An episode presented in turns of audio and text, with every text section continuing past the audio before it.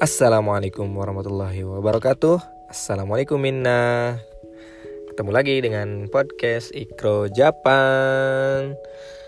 Oke, eh, kali ini saya akan melanjutkan perbincangan tentang perawat ngomongin eh, investasi saham. Perawat Jepang invest saham.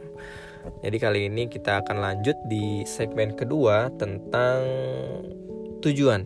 Tujuan saya pribadi kenapa saya uh, investasi di produk saham ya. Sebelumnya uh, saya udah pak uh, ngobrolin atau ngebahas tentang latar belakang kenapa saya tiba-tiba kenal dengan investasi saham dan mulai masuk ke investasi saham.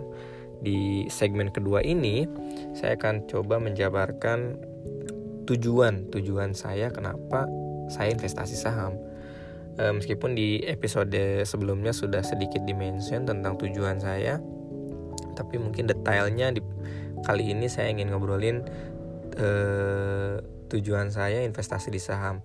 Mudah-mudahan ini juga bisa menjadi trigger atau misalnya apa ya namanya jadi hmm, masukan lah buat teman-teman khususnya yang ada di Jepang, teman-teman perawat yang saat ini menerima gaji yang lumayan besar.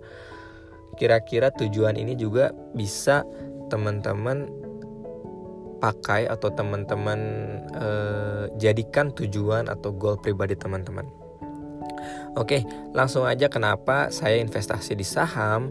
Pertama karakteristik saham itu adalah eh, memang mempunyai high return atau imbal hasil yang besar gitu. Ketika kita misalnya invest di saham saham itu adalah produk atau instrumen investasi yang memberikan atau bisa eh, menaikkan keuntungan kita gitu menaikkan uang kita.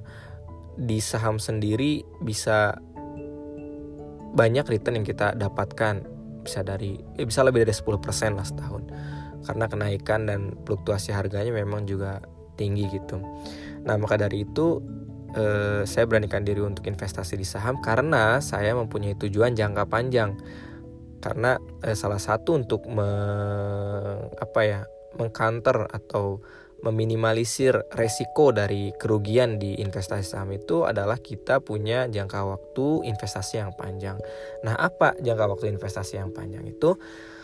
Karena saat ini saya alhamdulillah sudah lulus ujian Kokasikeng, saya udah e, bisa stay lama di Jepang, maka e, saya targetkan pulang dari Jepang itu adalah tujuan pertama yang tujuan pertama saya yaitu tujuan pertama saya adalah bisa pensiun di umur 40 tahun. Jadi ketika saya selesai di Jepang, saya udah bisa pensiun lah.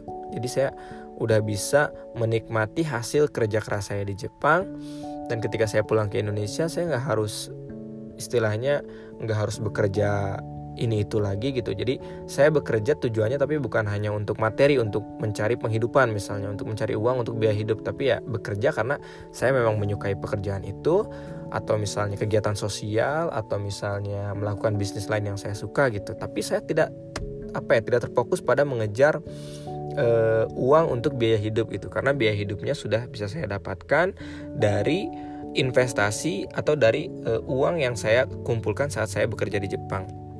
Nah, tujuan saya ini saya plot dari sekarang karena mulai saya tahun 2019 tahun kemarin awal 2019 dan saat ini saya berumur 30 tahun. Jadi sampai ke saya nanti pensiun di umur 40 tahun itu saya punya rentang waktu sekitar 10 tahun.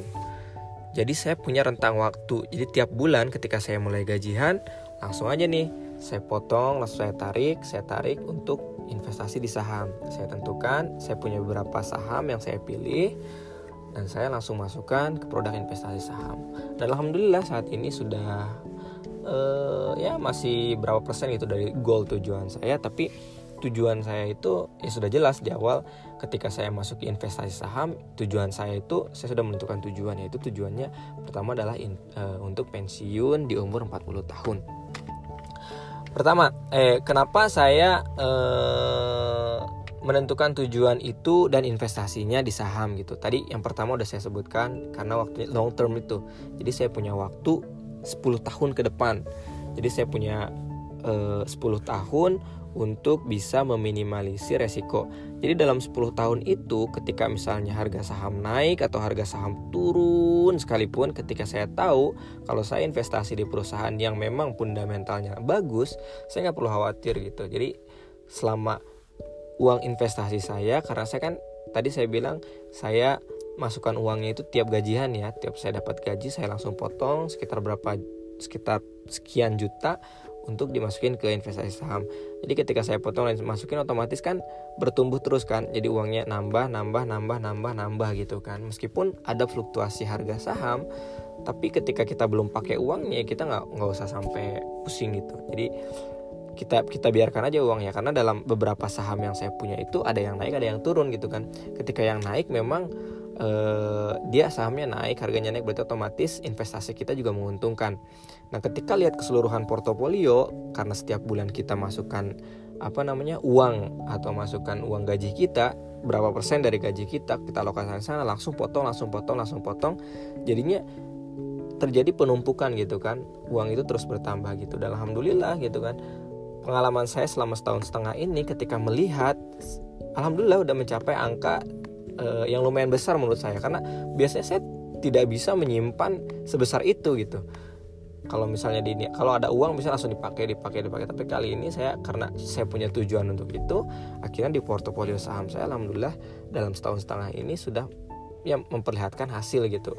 Berapa uang terkumpul. Meskipun uang itu belum masih masih jauh lah dari target target biaya untuk pensiun saya gitu tapi setidaknya ketika melihat itu wah alhamdulillah udah udah udah jadi habit gitu kan Nah, itu yang per, yang tujuan yang pertama ya, tujuannya yaitu pensiun di umur 40 tahun. Terus selanjutnya tujuan saya kenapa saya mengambil investasi di saham adalah untuk membeli rumah.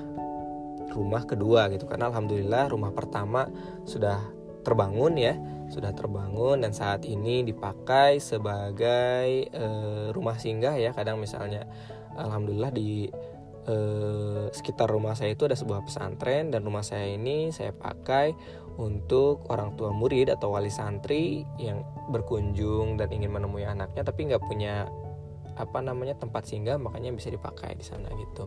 Dan tapi semua keuntungan saya berikan kepada orang tua saya. Tapi eh, saat ini saya juga merencanakan untuk mem ingin membangun rumah kedua saya. Karena kemarin uh, coba pengen cari-cari KPR atau gitu gitu kan. Tapi memang agak susah juga karena ketika kita bekerja di Jepang kita tidak bisa menunjukkan bukti slip gaji kita gitu kan. Beberapa bank syariah di Indonesia itu tidak mengakui apa ya belum regulasinya itu belum mengakui gaji kita yang ada di Jepang gitu. Kecuali misal perusahaan kita punya cabang di Indonesia jadi nanti di atas namakan di perusahaan itu. Kebetulan perusahaan tempat kerja saya saat ini belum punya cabang di Indonesia jadi uh, slip gaji yang saya punya itu belum bisa dipakai untuk mengambil KPR jadi uh, tapi hikmahnya akhirnya saya memutuskan untuk tidak mengambil KPR tapi saya coba nabung gitu. Nah nabung saya itu lewat saham itu tadi gitu. Jadi ketika angka saya targetkan misal saya ingin membeli rumah seharga 500 juta budgetnya nah saya targetkan di saham itu ketika sekarang saya ya itu sistemnya sama.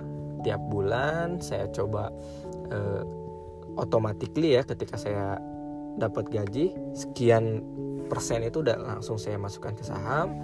Jadi ketika angkanya nanti sampai di 500 juta ya udah saya tarik dananya dan saya pindahkan ke instrumen lain yang lebih uh, apa namanya lebih resikonya lebih rendah lah. Seperti misalnya deposito syariah atau sukuk atau reksadana pasar uang atau reksadana pendapatan tetap. Nah, ini mungkin bahasanya nanti lain ya. Sekarang kita fokus dulu di tujuan eh, tujuan saya pribadi untuk berinvestasi berinvestasi saham itu tujuannya itu dua tadi. Yang pertama adalah untuk pensiun di umur 40 tahun dan yang kedua adalah untuk membeli rumah atau membangun rumah kedua saya pribadi. Oke, okay.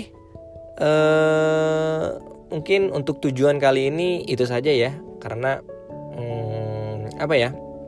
Saya yakin lah kalau misalnya teman-teman yang ada di Jepang, uh, baik itu Kanggo atau Kaigo Fukushiki atau itu Kenshusei atau semua yang ada di ini ketika teman-teman bisa menekan gaya hidup teman-teman kalian dan teman-teman punya tujuan yang jelas dalam berinvestasi, saya yakin investasi saham ini bisa menjadi instrumen yang menarik lah. Ketika misalnya teman teman-teman sudah punya tujuan, tujuan investasinya apa, jangka waktunya berapa, besaran dana yang dibutuhkan berapa, ketika tahu e, detail tentang tujuan teman-teman, maka investasi saham adalah salah satu investasi yang baik menurut saya. Tapi jangan lupa tetap belajar, belajar, belajar, belajar karena jangan sampai kita cuma ngikut-ngikut orang aja oh, orang lain investasi saham nih di Instagram lagi booming investasi saham nih saya coba ikut aja deh. Tanpa mengenal resiko dan eh, karakteristik pribadi ya karena sebelumnya juga saya sudah sampaikan kan ada yang tipenya ada yang konservatif ada yang moderat dan ada yang agresif pokoknya tetap belajar terus deh. Mungkin itu saja sharing saya kali ini. Semoga bermanfaat khususnya buat teman-teman perawat yang ada di Jepang. Karena eh, yang ingin saya sharing adalah salah satunya untuk sukses bareng ya. Jangan sampai kita udah jauh-jauh bekerja jauh-jauh di luar negeri meninggalkan kampung halaman meninggalkan orang tua meninggalkan saudara di Indonesia. Tapi ketika uh, selesai kita kerja di sini di Indonesia-nya malah kita harus struggle lagi gitu. Jangan sampai semua pengorbanan kita saat ini tidak menghasilkan kalau menurut saya. Makanya dengan sharing saya kali ini mudah-mudahan bisa menjadi insight baru buat teman-teman perawat ataupun teman-teman Kenshusei yang ada di Jepang sehingga next teman-teman juga bisa merencanakan tujuan teman-teman sedetail mungkin dan menemukan instrumen investasi yang paling tepat buat teman-teman. Oke, itu saja yang bisa saya share kali ini. Mudah-mudahan bermanfaat. Tetap semangat, tetap sehat terus. Jaga kondisi badan, tubuh, pikiran, spiritual dan semuanya deh. Saya cukupkan. Assalamualaikum warahmatullahi wabarakatuh. Bye bye.